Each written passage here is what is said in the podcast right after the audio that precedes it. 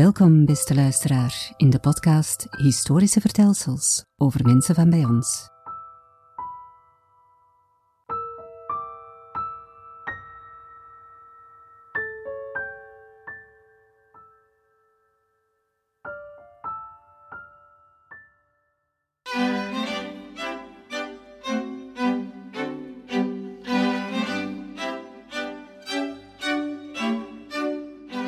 Jozef van Ganzen en de boerenkrijg van 1798.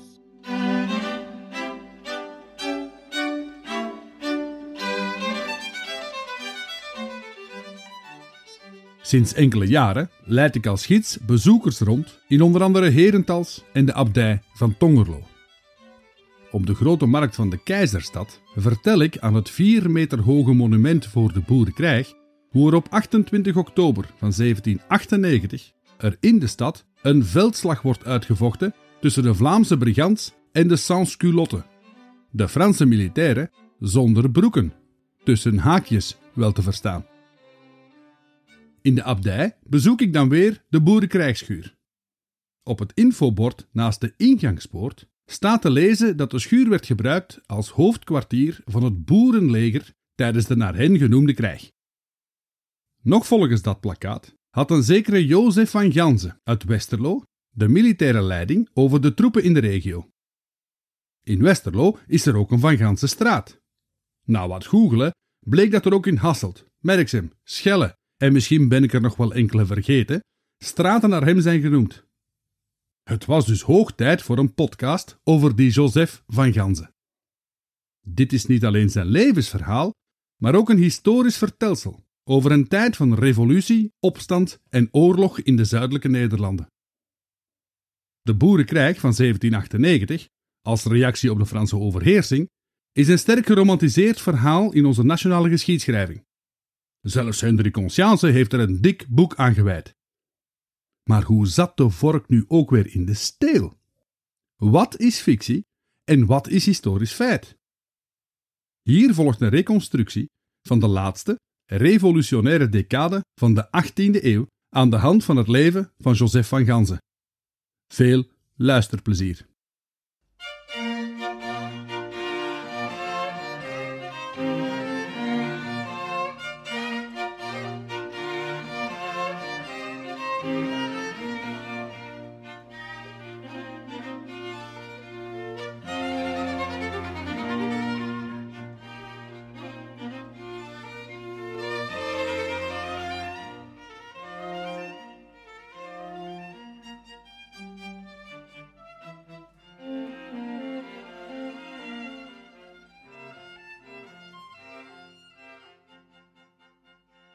Volgens de parochieregisters van Westerlo wordt Emanuel Jozef van Ganzen er geboren en gedoopt op kerstdag 1766. En dat in het gezin van Jan Baptist van Ganzen. Godsvruchtig als zijn ouders waren, noemden ze hun tweede zoon God in ons midden, want dat wil Emanuel eigenlijk zeggen. Maar ja, dat is normaal met zo'n geboortedag. Zijn roepnaam zou echter Joseph worden, dus vanaf nu doe ik dat ook. Joseph van Ganzen. Op zijn campings dan nog wel.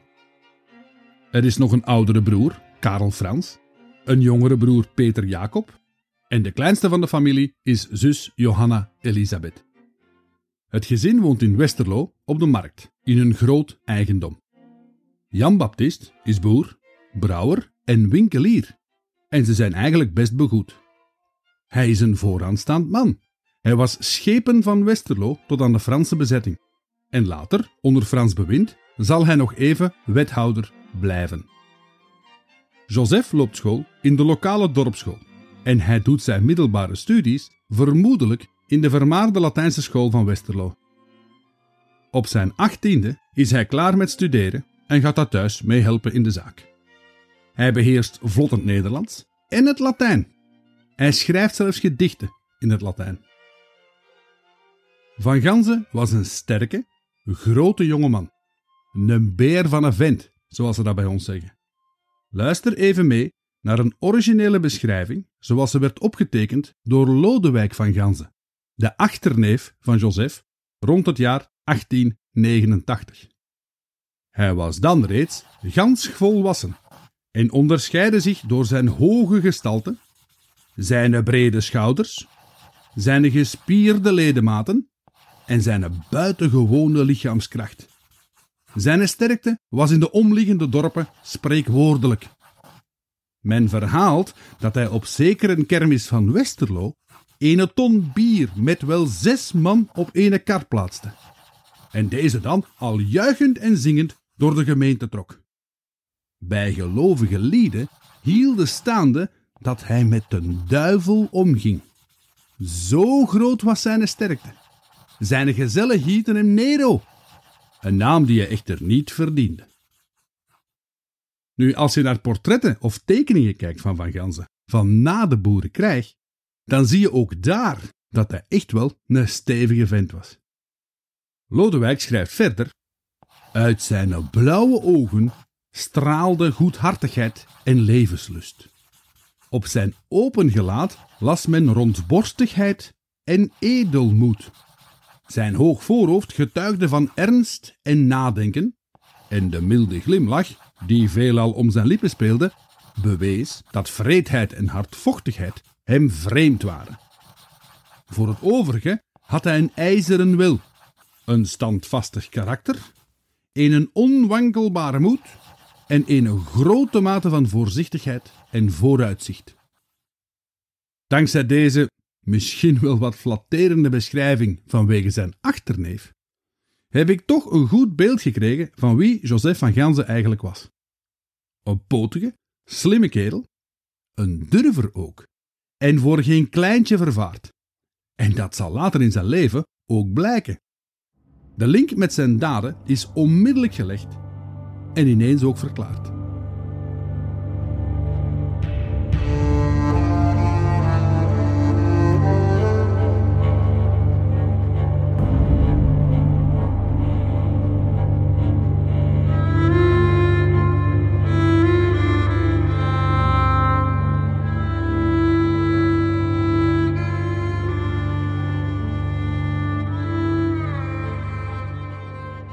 Het jaar des Heres 1789.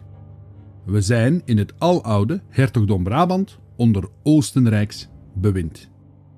Er broeit van alles bij de bevolking. Keizer Jozef II, helemaal in lijn met de ideeën van de verlichting, is al een hele tijd bezig met het staatsgezag te versterken. En dit ten koste van de lokale privileges en vrijheden die vaak al sinds de middeleeuwen in grote mate de maatschappelijke fundamenten waren in de Nederlanden. Bovendien kortwiekte hij de kerk. Hij sloot kloosters en abdijen. Het geloof moest en zou plaatsruimen voor de reden. De anticlericale edicten, dat zijn wetteksten, volgden elkaar in snel tempo op. Ze werden met weerzin onthaald door de gewone bevolking en de kerk. Of wat had u gedacht? Ook de rijke stedelijke burgerij voelde zich beroofd van haar burgerrechten. De weerstand en de facties tegen Jozef II, door alles wat ik hier beschrijf ook wel de keizer Koster genoemd, groeide met de jaren. En uiteindelijk zouden diezelfde facties elkaar zelfs gaan vinden in hun verzet tegen de keizer. Maar hoe zou men die vervloekte Oostenrijkers hier ooit buiten krijgen? Wel, twee advocaten wierpen zich op als de leiders van het verzet. Jan Frans Vonk vond dat het volk in opstand moest komen en dat een volksleger de bezetters moest buitenwerken. Een beetje naar het voorbeeld van wat er in Frankrijk aan het gebeuren was. 1789, het was daar ook revolutie. Aan de andere kant had je de statisten onder leiding van Hendrik van der Noot. En die wilden vooral terugkeren naar de oude situatie van vrijheden en een belangrijke rol voor de Staten-Generaal. Eigenlijk wilde die gewoon terug naar vroeger. Volgens Van der Noot moesten de oude grootmachten, Engeland, de Verenigde Provinciën of Pruisen, ons komen verlossen van die verdoemde Habsburgers. En in 1789, na het zoveelste edict, was de maat vol. Het hertogdom Brabant besliste om geen belastingen meer te betalen aan het Oostenrijkse gezag. Daarop schafte de keizer alle privileges van het hertogdom af. en het spel zat letterlijk op de wagen. We schrijven januari van dat jaar. In mei gingen de Brabanders zich verenigen in het comité van Breda. In Noord-Brabant werden troepen geronseld. De jongen van Ganzen, op dat moment slechts 23 jaar oud, beantwoordt de oproep. Zo lees ik in de grote Biographie Nationale Belge uit 1936 dat Van Ganzen zich bij het leger van de opstandelingen voegt en dienst doet in het 5e regiment van Antwerpen. Achterneef Lodewijk zegt hierover: De Brabantsche omwenteling met haar een sleep van kwalen en jammeren had zijn vaderlandslievende hart doen gloeien. Het ingeboren gevoel van vrijheid en onafhankelijkheid wakker geschud en hem in een diepe afkeer, in een onverzoenbare haat tegen verdrukkers en dwingelanden ingeboezemd. Amai. Met andere woorden, Van Ganzen, Joseph in dit geval, was het beu. Hij had het gehad met de Oostenrijkers. Jan Andries van der Merch, veteraan van vele oorlogen, neemt de leiding van het rebellenleger op zich. De generaal had als vrijwilliger carrière gemaakt in het Franse leger. Hij schopte het daar zelfs tot luitenant-kolonel van de dragonders. Van der Merch was dus tactisch geschoold. En dat was wel nodig om met zijn legertje boeren en stedelingen, zeg maar een zootje ongeregeld zonder enige militaire ervaring, nog maar iets te kunnen uitrichten tegen het getrainde Oostenrijkse leger. En op wat steun van Pruisen na stonden de Brabanders er alleen voor. Nu Van der Mers wist maar al te goed dat ze in een open veldslag weinig kans hadden. Dus besloot hij om vanuit Noord-Brabant heel voorzichtig uitvallen te doen. Eerst op Hoogstraten, dan op Turnhout. We spreken 27 oktober 1789.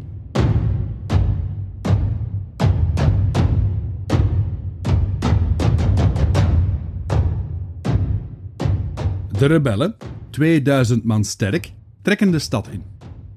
Ze hebben de lokale bevolking aan hun kant. Hier gaan ze wachten op het Oostenrijkse leger van von Schröder. Er worden barricades opgeworpen met omgehakte bomen, straatstenen en meubilair dat de inwoners zelf aanvoeren. Alles wat los zat, werd op de barricades geworpen. Wanneer de Oostenrijkers in Turnhout aankomen, blaakt hun generaal van overmoed. Zonder te wachten op extra versterkingen valt hij aan. De rebellen worden beschoten met kanonnen. Dragonders te paard chargeren. Maar, zoals Van der Mesch gehoopt had, loopt de aanval vast in de straten van de stad. Sluipschutters beschieten de keizerlijke soldaten en maken heel wat slachtoffers. Burgers en opstandelingen bekogelen de Oostenrijkers vanuit hun huizen met, met kasseien, met alles wat een mens kon verwonden of doden. Wanorde maakt zich stilaan meester van de aanvallers. En in hun vlucht laten ze enkele kanonnen achter en meer dan 100 doden en 60 gewonden. De slag bij Turnhout is voorbij. De opstandelingen hebben gewonnen. Nu het nieuws van de overwinning verspreidde zich vliegensvlug over de zuidelijke Nederlanden en wakkerde het verzet nog aan.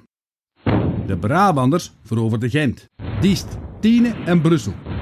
Het Oostenrijkse gezag stuikte in elkaar. De landvoogden vluchtten hals over kop de Nederlanden uit. En in januari 1790 verklaarden de Verenigde Nederlandse Staten zich onafhankelijk in het Traktaat van Verenigingen. Van der Noot werd de eerste eerste minister.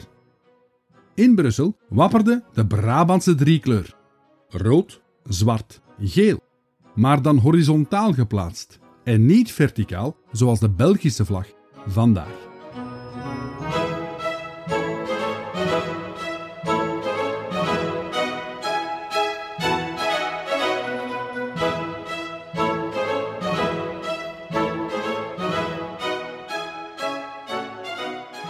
Maar lang zou het liedje niet duren. Al snel ontstond er grote oneenigheid over hoe het nu verder moest.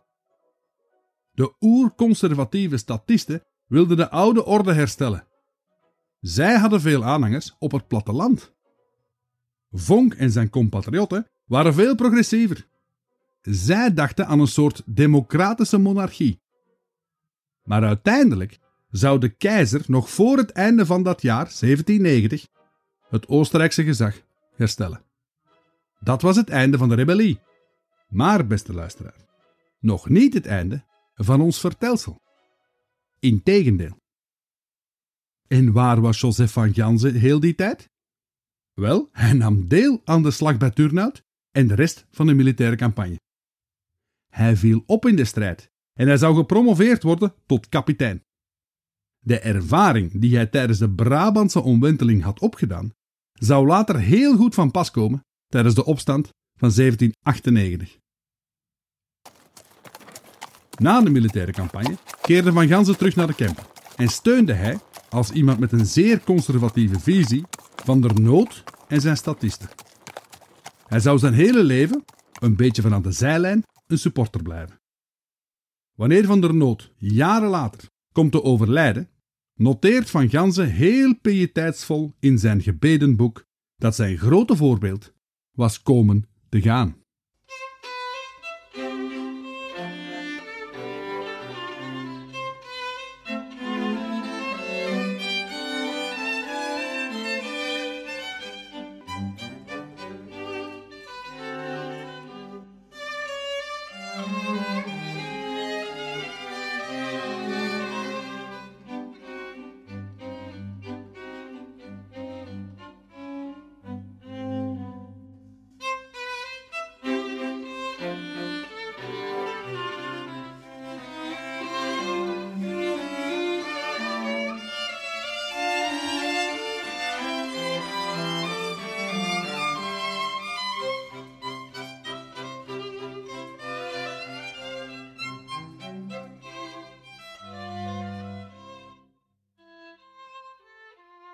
Na zijn militaire exploten voelde Van Gansen zich op zijn 25ste plots geroepen tot de geestelijke staat. Een roeping. Op 27 november 1792 trad hij in als novice in het klooster van de Capucijnen van Leuven, onder de naam van frater Siardus van Westerlo. Dat is een beetje een vreemde naam, niet? Nu, in dit geval eigenlijk niet, want die naamkeuze is in verband te brengen met de verering van de heilige Siardus van Friesland in de abdij van Tongerlo. In de kerk aldaar stond er het reliekschrijn met de helft van de beenderen en de schedelkap van deze heilige. Maar wie was die Siardus dan wel? Wel, hij was een adellijke abt van de Norbertijnenabdij van Mariengaarde, Halum, Friesland, en dat in de 13e eeuw. Hij stond bekend als een harde werker hij liet onder andere heel wat dijken bouwen. En hij zorgde voor de armen en de gewone mensen. Na zijn dood in 1230 werd hij door de lokale goedgemeente dan ook sterk vereerd. De kerk met zijn relieken werd een bedevaartsoord, tot aan de verwoesting van de abdij in 1578 door de Calvinisten tijdens de 80-jarige oorlog. De relieken werden echter gered en over twee schrijnen verdeeld. Die hebben dan een hele tocht gedaan langsheen meerdere abdijen in West-Europa. En uiteindelijk zal één schrijn in 1617 naar Tongerlo komen. En daar ook blijven, tot op de dag van vandaag trouwens. Het feit dat de paters van Tongerlo de relieken wilden hebben, moet men zien in het licht van de Contra-reformatie en de revival van het katholicisme in het begin van de 17e eeuw. Zou u Siardus willen vieren, dan moet u dat doen op 14 november.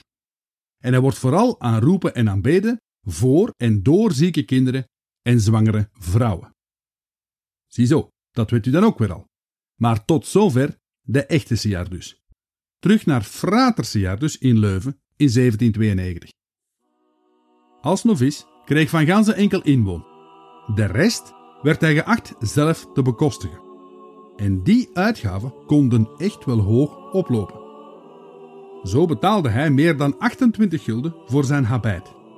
En de helft van dat bedrag voor zijn tuniek. Enkele breviers, dat zijn de noodzakelijke gebedenboeken, kostten hem 11 gulden. Zijn sandalen 5 en lakens en beddengoed ook nog eens 24 gulden.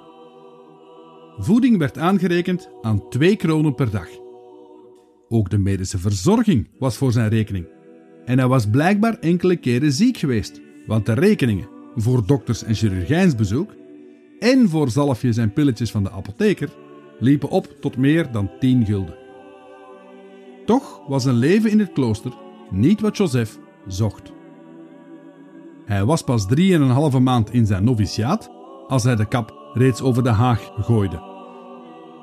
Bij zijn uittreden op 18 maart 1793 liet hij de kloostergemeenschap zijn habit en tuniek na en ontving hij zelf nog 42 gulden restwaarde van zijn intredegeld van 120 gulden.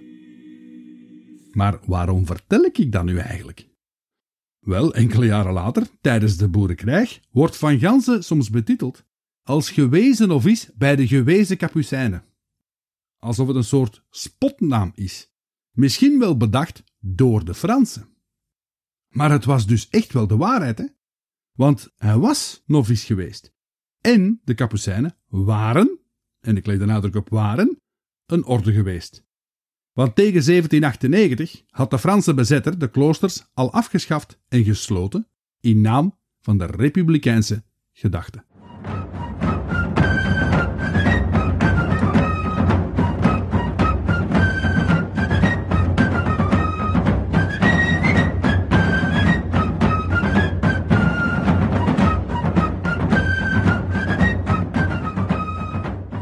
...26 juni 1794 ochtendgloren.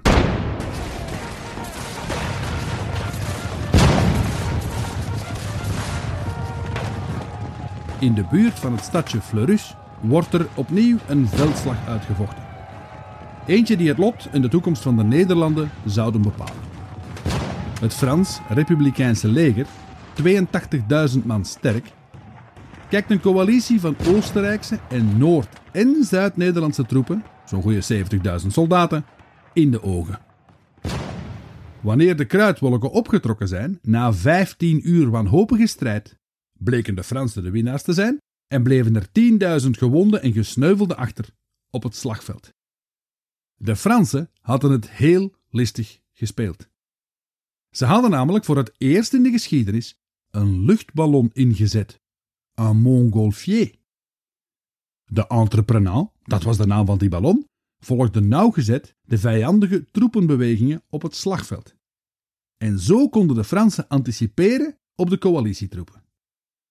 De Franse overwinning was heel nipt, maar ze was wel het begin van het einde voor de Oostenrijkers.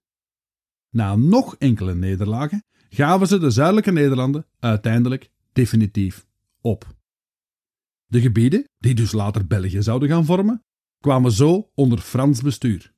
Ze werden simpelweg geannexeerd in 1795. Tijdens de vrede van Campo Formio in 1797 werd deze toestand officieel ook bekrachtigd.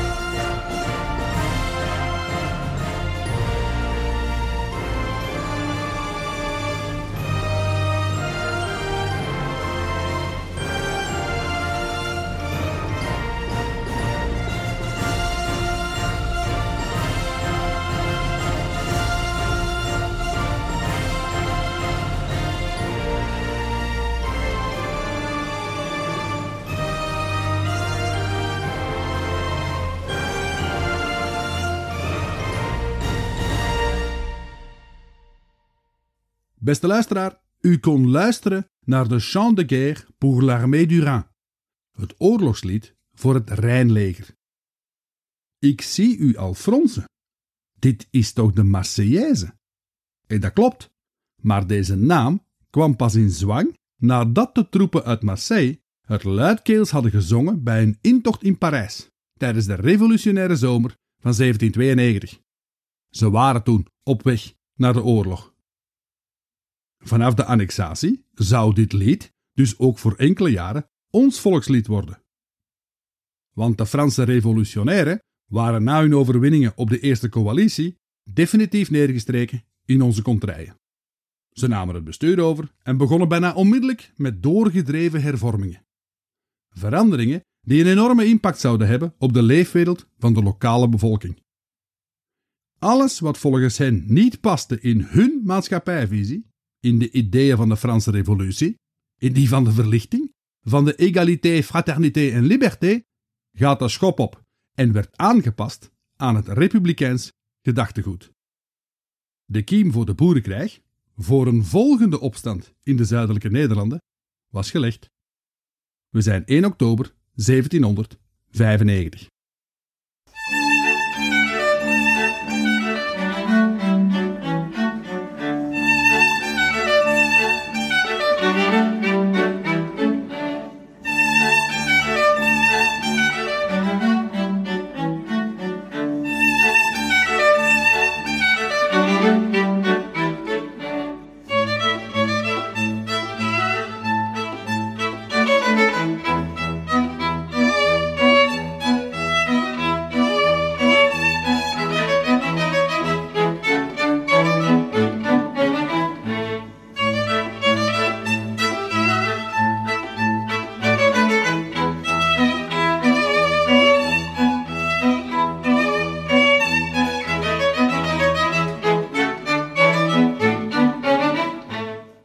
De volgende aflevering lopen de spanningen in de zuidelijke Nederlanden steeds hoger op. En in het bijzonder in de Kempen en op het platteland. Het directoire krijgt meer en meer tegenstand. En Joseph van Ganzen gaat zijn activistische rol blijven opnemen. Hij komt tot openlijk verzet. Tot dan, beste luisteraar.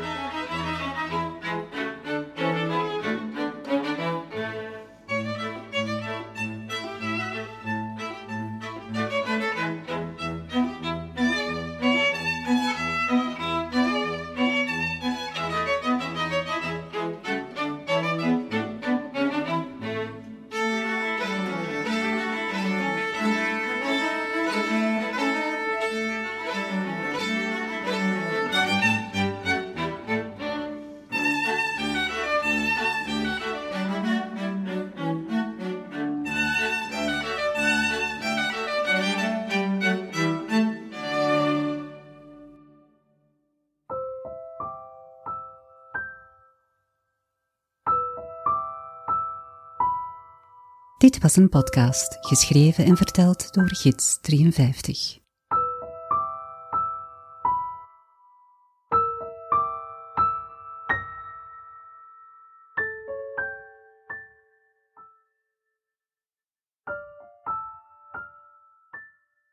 Als je naar mijn website gidsnummer53.com slash blog surft, vindt u extra beeldmateriaal en verhalen over de boerenkrijg en Joseph van Ganzen.